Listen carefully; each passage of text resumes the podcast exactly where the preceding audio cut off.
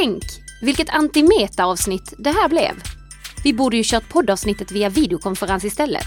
För nu ska vi nämligen prata om videokonferenser.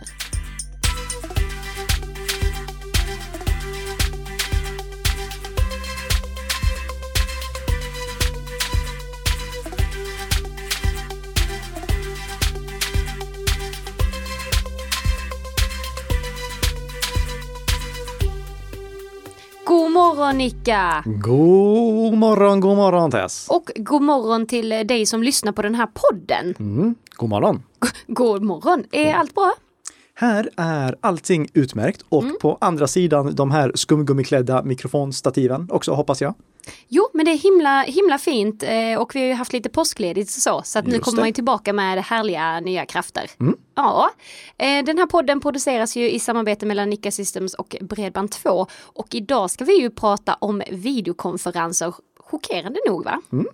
I det här 64 avsnittet. Inte 63, Nej, 64. Precis, Ja. och eh, 64 avsnittet är ju alltid värt att fira lite extra. Det är ju sen gammalt. Ja, precis. Ja. Ja. Eller Eh, varför? Vill du påminna mig om varför? Eller det bara är så? Två upphöjt till sex. Ah. Så andra avsnittet, fjärde avsnittet, åttonde, sextonde, trettionde, sextiofjärde. Nästa gång vi firar är 128 avsnittet. Då tycker jag att vi börjar fira det eh, 64 avsnittet med patch-tisdag. Just det. Mm. För det är ingen vanlig dag, för det har varit patch-tisdag. Hurra, hurra, hurra, hurra. T- Det, hurra tycker i och för sig ingen systemadministratör att det är när det är dags att uppdatera. Men eh, nu har vi tramsat klart här tycker jag. Eh, det, det har varit patch-tisdag. Eh, Microsoft har släppt massa uppdateringar. De åtgärdar 113 sårbarheter. Bleeping Computer rapporterar att 15 av dem är klassade som kritiska. Därigenom vet vi också att fyra av dem redan var kända när Microsoft släppte uppdateringarna. Och de gånger som eh, det är känt hur man utnyttjar de här sårbarheterna när Microsoft släpper uppdateringarna, då är det alltid extra viktigt att man uppdaterar snabbt så att man patchar till de här sårbarheterna.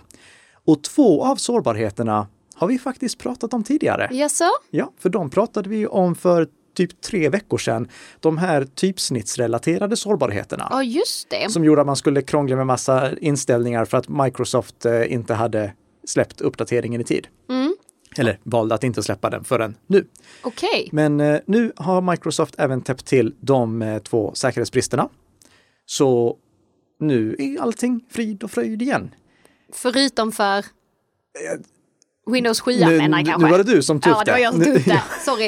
Eh, ja. Ja, nej, men det, det är jättebra att du lägger till det för att eh, om man kör eh, Windows 7 då har man ju inte fått de här säkerhetsuppdateringarna. Men numera så förutsätter jag att noll av våra lyssnare Mm. kör Windows 7. Verkligen. För vänner låter inte vänner köra Windows 7. Eh, har vi någonting mer här inom, eh, inom eh, patch-tisdagens eh, ramar? Ja, eh, jag trodde faktiskt att vi skulle få se den nya versionen av Windows 10 eh, nu- på patch-tisdagen också. För Microsoft kommer ju inte släppa nya versioner av Windows utan de uppdaterar istället Windows 10 två gånger per år. Ja, ja, ja. Även om egentligen ingen har bett dem göra det, men det gör de i alla fall. Och nu så borde då mm, eh, vårens uppdatering ha släppts. Mm. Det är den som går under det preliminära namnet Windows 10 2004. Ehm, Men det har inte blivit så? Nej, inte än. Det. Vi får se ifall den dyker upp inom någon snar vecka här. Mm. Eh, På lite goda nyhetsfronten kan vi däremot nämna för organisationer Mhm. att Microsoft har förlängt eh, stödet för eh, Windows 10 1709 som alltså släpptes hösten 2017. Microsoft underhåller ju de gamla Windows 10-versionerna i upp till eh, två, eh, två år Mm. för organisationer som vill ligga kvar på en gammal version för att de inte vill testa alla nya versioner som kommer. Det, det, det här är alltså inte någon möjlighet som ges för privatpersoner, men för organisationer så finns den möjligheten. Och egentligen så skulle Windows 1709 gått ur tiden nu i tisdags. Ja. Men eftersom situationen är som den är i världen så har Microsoft förlängt det till oktober. Lite goda nyheter för alla. Okej.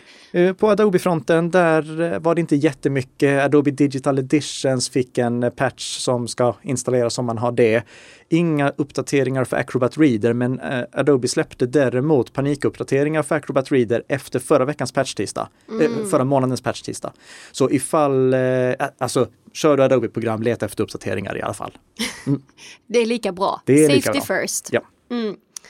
Ja, men då, då går vi vidare helt enkelt. Japp. Eh, enligt en ny rapport från företaget Sophos Labs har man identifierat eh, 30 appar som vid en första anblick utger sig för att vara gratis eller billiga, men som i själva verket låser användaren vid dyra abonnemang eller att det börjar kosta så fort man använder fler eh, funktioner. De här apparna som har identifierats erbjuder funktioner som bildredigering, horoskop, eh, QR-läsare och ansiktsfilter. Och det känns ju ändå som att kanske just med bildredigeringsverktyg och, eh, och eh, ansiktsfilter är någonting som många kanske eh, vill ladda ner. Och det har ju också visat sig för eh, de här apparna har då laddats ner ungefär 3,6 miljoner gånger via Apples eh, Apple Store. Det är nog ganska många gånger. Ja. Ehm, den här metoden eller fenomenet som går under namnet fleeceware går ut på att överdebitera användarna. Och eh, för att locka användarna att eh, ladda ner apparna så använder man bland annat av eh, fejkade betyg. Och sen samtidigt så förvirrar man dem genom att man har ja, men förvirrande uppsägningsvillkor och eh, korta testperioder. Ja. Så att det blir mer okej då att helt plötsligt ta betalt. Liksom. Ehm, och då kanske man undrar varför dessa får finnas tillgängliga i App Store. Har du någon gissning Nika? Av det du har sagt är det fortfarande inte någonting som är skadligt. Det, det är bara alltså, fult. Det är precis vad Per Söderqvist som är säkerhetsexpert på Sophos Så menar. han uttryckligen så att det är bara fult. Han bara, det är bara fult. Nej, men han säger att apparna rör sig i en gråzon då de nödvändigtvis inte behöver klassificeras som skadliga. Eh, men då är det precis som du säger då att de är ju bedrägliga eftersom man då utnyttjar människors okunskap och mm. ouppmärksamhet. Ja. Eh, men vad, vad kan man tänka på eh, nu? Eh, I- när det kommer till sådana här appar? Ja, eh, så fort du ser någonting som har med pris att göra, kolla jättenoga vad som står. Kolla noga om det står att det är en prenumeration eller om det är en engångskostnad. Och sen kan vi väl också passa på att uppmärksamma alla iPhone-användare att eh, öppna inställningar-appen, eh, klicka på bilden av sig själv som finns där och välja prenumerationer i inställningarna för App Store och kolla liksom, har man någon prenumeration som ligger och tickar varje månad eller är, är, är man fri från sån, sådana prenumerationer? Så eh, ta, och kolla det för säkerhets skull. Men sen rent generellt sett, var uppmärksam på sådana här appar. Det, det här är en diskussion som jag väldigt ofta har, där någon frågar mig, kan jag ladda ner den här appen eller kommer den kosta mig massa pengar?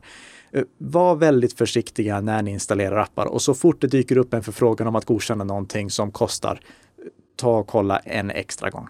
Mm, gratis behöver ju inte alltid betyda att det är gratis. Nej, Tyvärr. nej. Det, är- Ehm. ä- Även om när det står gratis eh, och man installerar appen, då är det ju inte någon kostnad som dyker upp just då. Utan Nej. o- o- om det skulle vara så att det är en kostnad som är förenad med en prenumerationstjänst som hör ihop med appen eller ifall, eh, ifall Det är någon funktion kanske eller något sånt. Ja, Mm. precis. Eh, Då kommer det komma upp en separat förfrågning där Mm. du måste a- ange ditt Apple-ID igen eller verifiera dig med Touch ID eller Face ID. Mm. Så det, och, och då står kostnaden.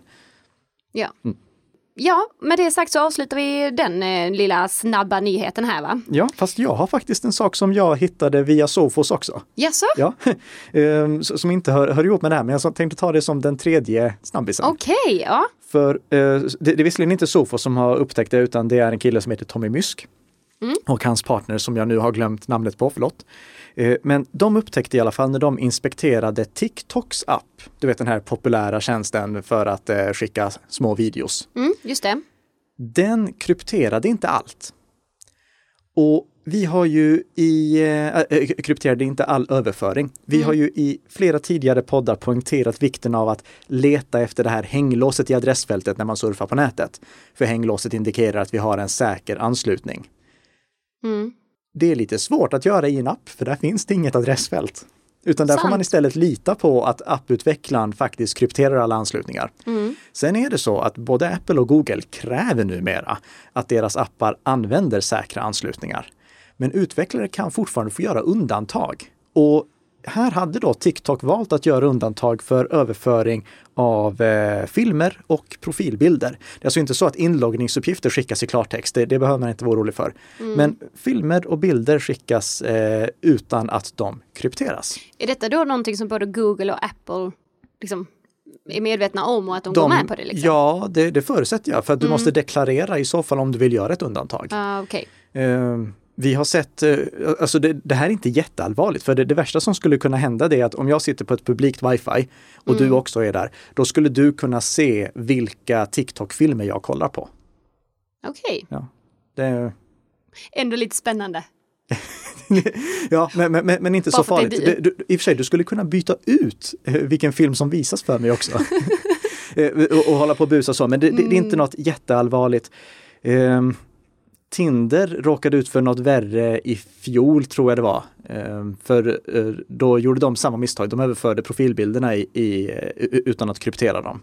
Mm. Och det gjorde att eh, någon som eh, satt på samma wifi kunde se vem du kollade på. Och det gick faktiskt också att räkna ut ifall du swipade höger eller vänster på den profilbilden. Ja, den kanske inte är lika, lika kul. Nej. Så. Men jag tänker så här, varför nämner du detta om det nu inte är så farligt? Uh, för att jag vill gnälla på TikTok. Okay. Uh, nu var det länge, jag, jag gnällde ju på dem för att de hade det helt klart sämsta autentiseringssättet eh, för, bland alla de här sociala medierna som är stora. Mm. Eh, men nu får de lite extra gnäll också för att eh, de eh, inte överför allting krypterat. För det finns ingen anledning att överföra någonting okrypterat idag under några som helst omständigheter.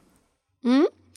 Um, ja, veckans huvudämne. Det är ju hett att prata om videokonferenser. Det är ja. ju jättemånga som använder sig av det. Precis, alla kör med videokonferenser nu förutom typ du och jag som faktiskt fortfarande träffas för att podda här.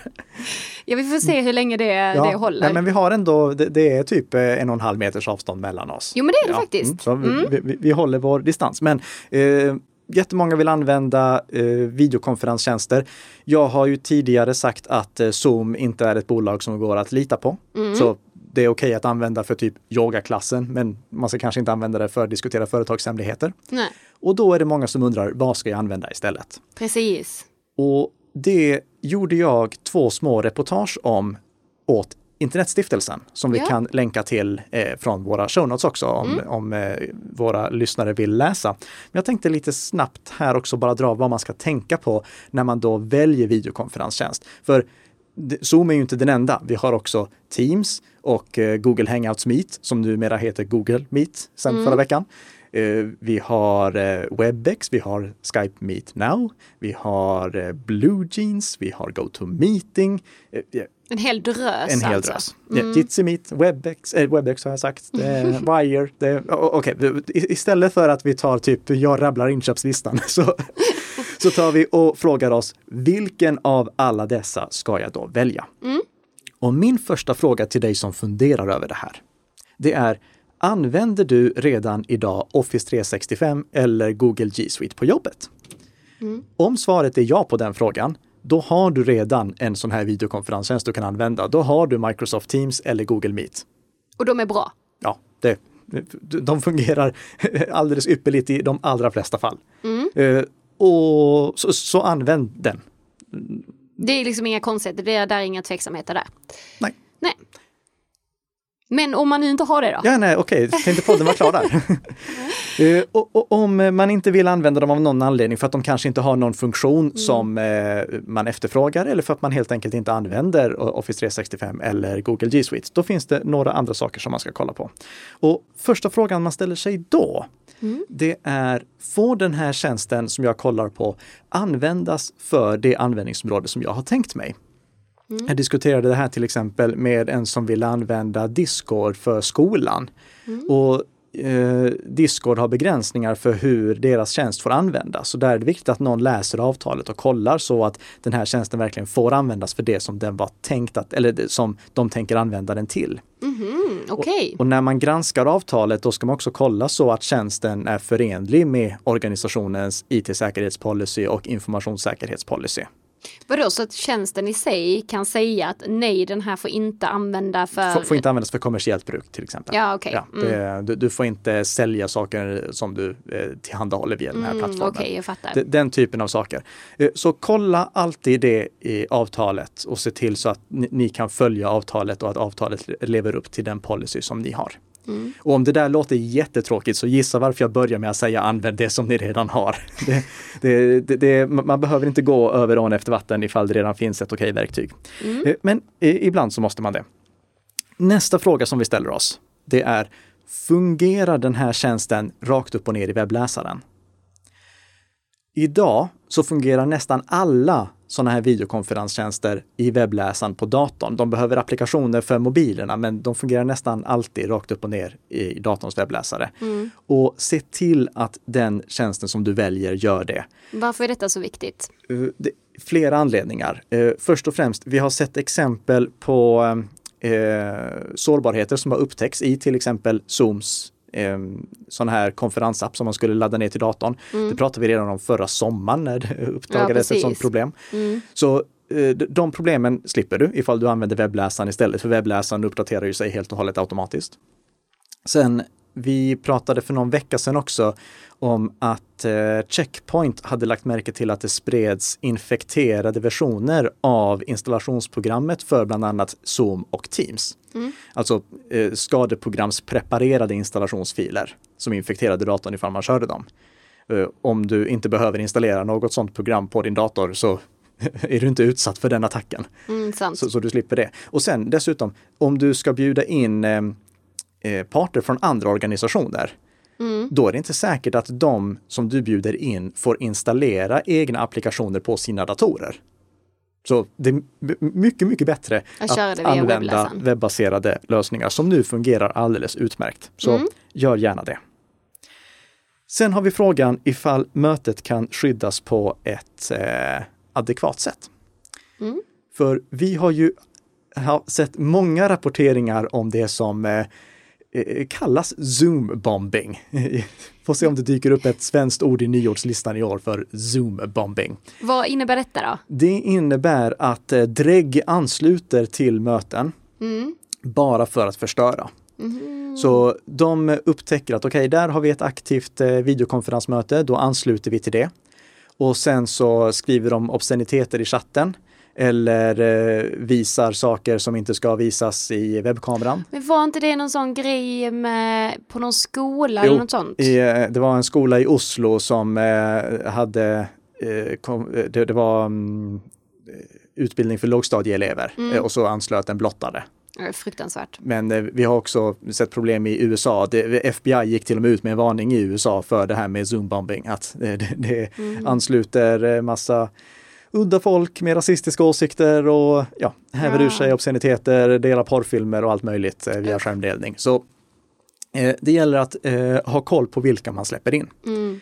Och tidigare var det så att eh, Zoom bara krävde att den som skulle ansluta till mötet hade den rätta tiosiffriga möteskoden om mötesarrangören inte hade valt att skydda mötet med ett lösenord eller med ett väntrum. Och ett väntrum är återkommer jag till alldeles strax. Mm.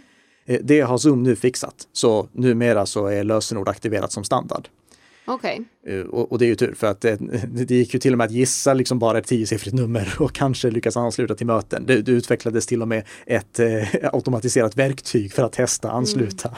Men är det personliga lösenord då eller är det liksom för alla? Där satte du huvudet på spiken för problemet som Alltså? vi fortfarande har. För eh, om vi kollar på eh, till exempel eh, Zoom, eh, Jitsi Meet, de eh, har ett möteslösenord.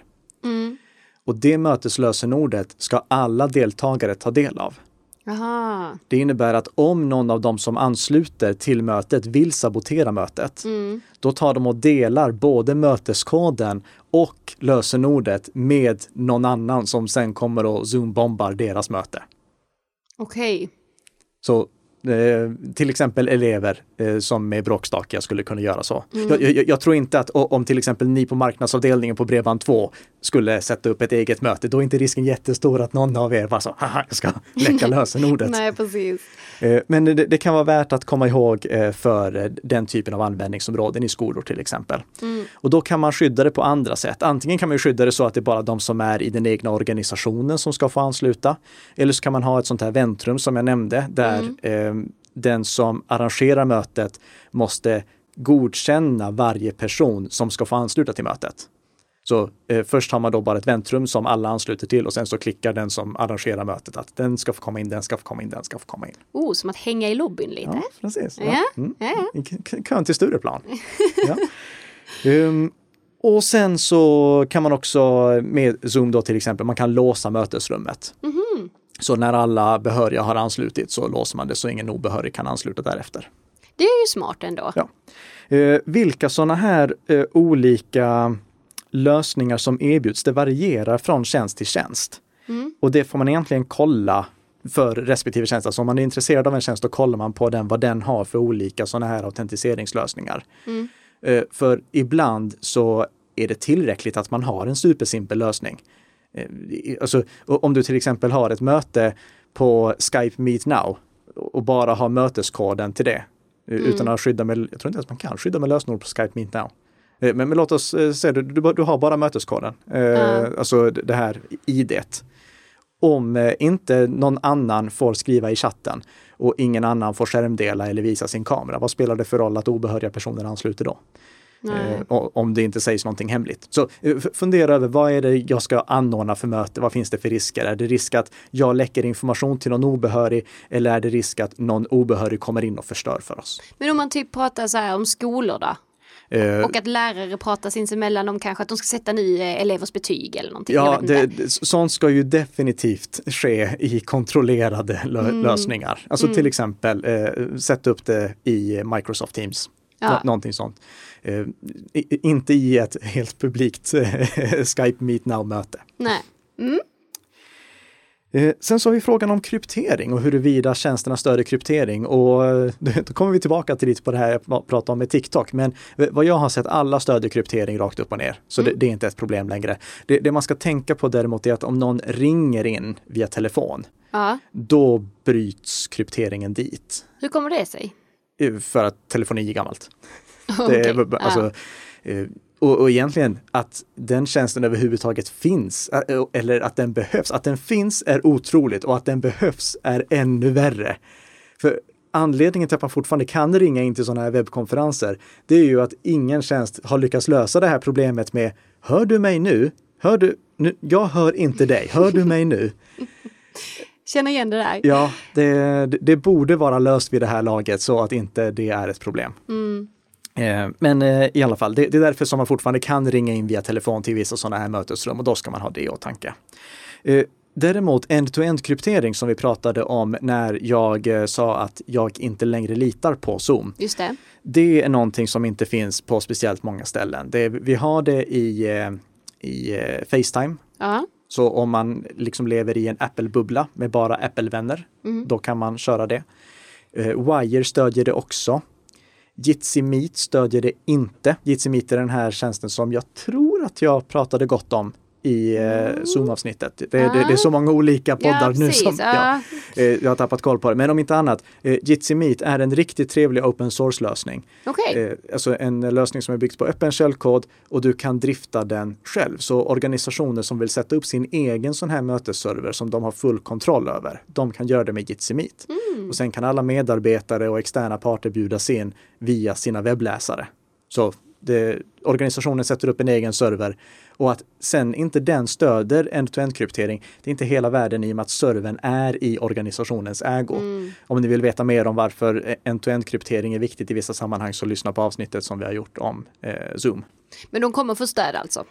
Eh, det är i alfa nu i alla fall, alltså eh, ja. Eh, en tidig, tidig utvecklad okay. version. Mm. Så de håller på att testa lägga till stöd för det. Mm. Och det blir ju ännu bättre då. Då skulle man till och med kunna använda publika Jitsi-servrar för väldigt känsliga eh, konversationer i och med att ingen utomstående kan dekryptera det som sägs. Mm. Så länge som man inte släpper in någon obehörig. Det är ju fortfarande viktigt att man inte släpper in obehöriga. Eh, Signal eh, har ju inte, ja, ja jättesnabb sak om Signal här Ja, också. okej, mm. Ja, eh, har ju inte stöd för eh, eh, flersamtalsvideomöten. Nej, det Eh, har vi pratat om ja. Ja, ja det, det har vi kanske. Mm, jag tror det i alla fall. Det, det som jag däremot såg eh, var att eh, Moxie Marlin Spike som är huvudhjärnan bakom eh, Signal, Mm. lite av min idol. han twittrade i slutet av förra året att det är på gång stöd för både att kunna föra röstsamtal från datorn Mm. men också att kunna föra gruppröstsamtal. Så det är inte omöjligt att videosamtal kanske är på gång där också. Ja, det är ju bara synd att det inte är här nu då. Det är det, för det är nu det behövs. Ja, Mm, Men, men i och för sig, vi kommer behöva videokonferenser Absolut. för all i framtid.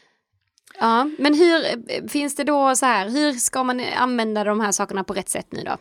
Eh, f- först och främst kontrollera alla de sakerna som vi har sagt, alltså avtalet och de här andra parametrarna. Eh, välj en tjänst utifrån det. Eh, skriv en kommentar i kommentarsfältet ifall du har någon följdfråga. Eh, det, det är det. Mm. Eh, s- sen kan jag ta några hygiensaker också. Ja, men det är väl bra. Eh, alltså sådana här vett och etikett. Mm. Till exempel hur bjuder man in någon till ett möte? Tänk dig liksom, eh, hur bjuder man upp någon till dans? Hur bjuder man in någon till ett webbmöte? Alltså man skickar inte ett mail. Det gör man definitivt inte. Nej. man skickar inte mejl med inbjudningslänkar. Eh, och om man får en, ett mejl med en inbjudningslänk, då klickar man ju inte på den länken heller, utan då går man till den eh, webbplatsen eller den applikationen som ska användas och skriver in inbjudningskoden. Absolut. Mm. Ja. Eh, det är direkt oförskämt att skicka inbjudningar via mejl. Så hur ska man i så fall skicka dem? Eh, via chattappar, samarbetsplattformar och liknande. Eh, eller om eh, applikationen som man använder har inbyggt stöd för det. Alltså i Teams så kan du ju liksom både anordna videomöten och chatta. Och då sköter du allting via Teams. Så, eh, på det sättet. Och sen också, tänk på att du som administratör eller du som mötesarrangör ska jag snarare säga. Håll koll på de som deltar i mötet också. Håll koll på deltagarlistan så att det inte slinker in någon och se till att inte någon har rättigheter som de inte bör ha. Eh, om eh, deltagarna inte behöver kunna dela sin skärmbild, då är det bara onödigt att låta dem kunna göra det. Härligt. Ja. Ehm, ja, du hinner vi med lyssnarfråga idag? Det tycker Är jag. det så? Ja. Det är dagen. Ja, vi, vi hann med två lyssnarfrågor förra veckan. I och för sig, men Ja. Mm. nu hörni. Det är Erik som har skickat in till eh, oss på Bredband2 och han skriver Hej! Ni har pratat om att skaffa en ny router om ens enhet inte längre får firmware-uppdateringar. Men om man istället skulle installera en open source firmware som Tomato eller DDVRT skulle det vara ett alternativ för att utöka livslängden på routern. Ja, det tycker jag är en alldeles ypperlig lösning. Det som eh, Erik syftar på här, det var när vi diskuterade att eh, ens router är den nätverkskomponent som är per definition exponerad mot internet. Och den måste få säkerhetsuppdateringar för att det upptäcks alltid brister i routrarnas operativsystem. Så eh, om din router inte har fått säkerhetsuppdateringar på ett år, då ska du höra med tillverkaren ifall de har slutat underhålla den. Och om de har slutat un- underhålla den så byter du ut den till en ny modell. Eller om du är teknisk och tycker sånt här är kul, då kan du göra det som eh, Erik tipsar om här, nämligen att kolla ifall något av eh, de community-utvecklade firmwaren, alltså mjukvarorna, de alternativa mjukvarorna till din router eh, skulle vara intressant. Eller ifall det finns sådana överhuvudtaget, inte till alla routrar som det finns. Men till många populära routrar, då finns det alternativa mjukvaror som communityn underhåller. Där då Tomato, DDVRT och OpenVRT är några av de populäraste alternativen. Så det kan man absolut kolla på.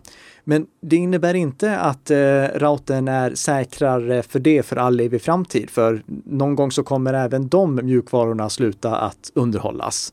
Och man måste se till att hålla de mjukvarorna uppdaterade för det upptäcks sårbarheter i de här öppna mjukvarorna också. OpenVRT hade till exempel ett problem med, nu, nu kommer vi tillbaka till det här med säkra anslutningar igen. Eh, det, det var ungefär en eller två månader sedan som det upptäcktes att eh, OpenVRT laddade ner nya paket, alltså nya eh, applikationer till sig eller nya uppdateringar till sig över osäkra anslutningar. Mm och sen inte heller kollade signaturen. Signaturen finns normalt sett på alla paket för att eh, OpenVRT ska kunna verifiera att det är autentiska paket och att inte någon har fifflat med dem. Mm. Men det upptäcktes att den checken den missade OpenVRT att göra. Nu är det patchat, eh, så om man har en uppdaterad OpenVRT-router så är det inte heller ett problem. Men, men, men det, det, jag vill säga här egentligen, det är eh, bara för att man byter till en open source firmware så är det inte säkert att du är helt säker. För den som, eller communityn som underhåller open source firmwaren, de måste också se till att patcha den med de säkerhetsfixar som upptäcks. Mm.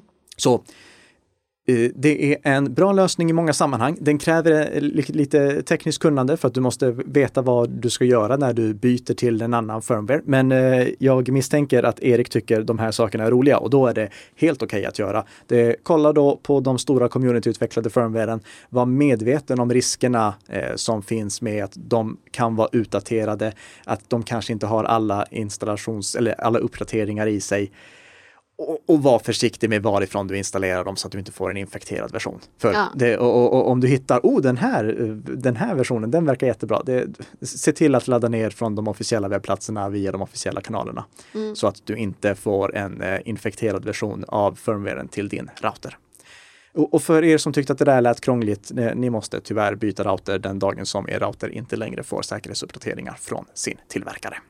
Snyggt Nicka! Ja. Och vi hoppas att Erik blev eh, nöjd med det svaret. Och boken som han får. Och boken, ja så om du som lyssnar på den här podden också har någonting du eh, klurar på så kan du skicka in veckans lyssnarfråga så kanske du också kan få Bli säker-boken och så besvarar vi även den frågan här i podden. Ja. Ja, och eh, du kan skicka in den via sociala medier eller eh, formulär på hemsidor mm. och så vidare och så vidare. Ja. Mm. Och med det sagt va Nicka? Är det så nu vi rundar av? lyfter jag på hatten och tackar för idag. Tack själv. Mm. Ha det så bra. Ha det.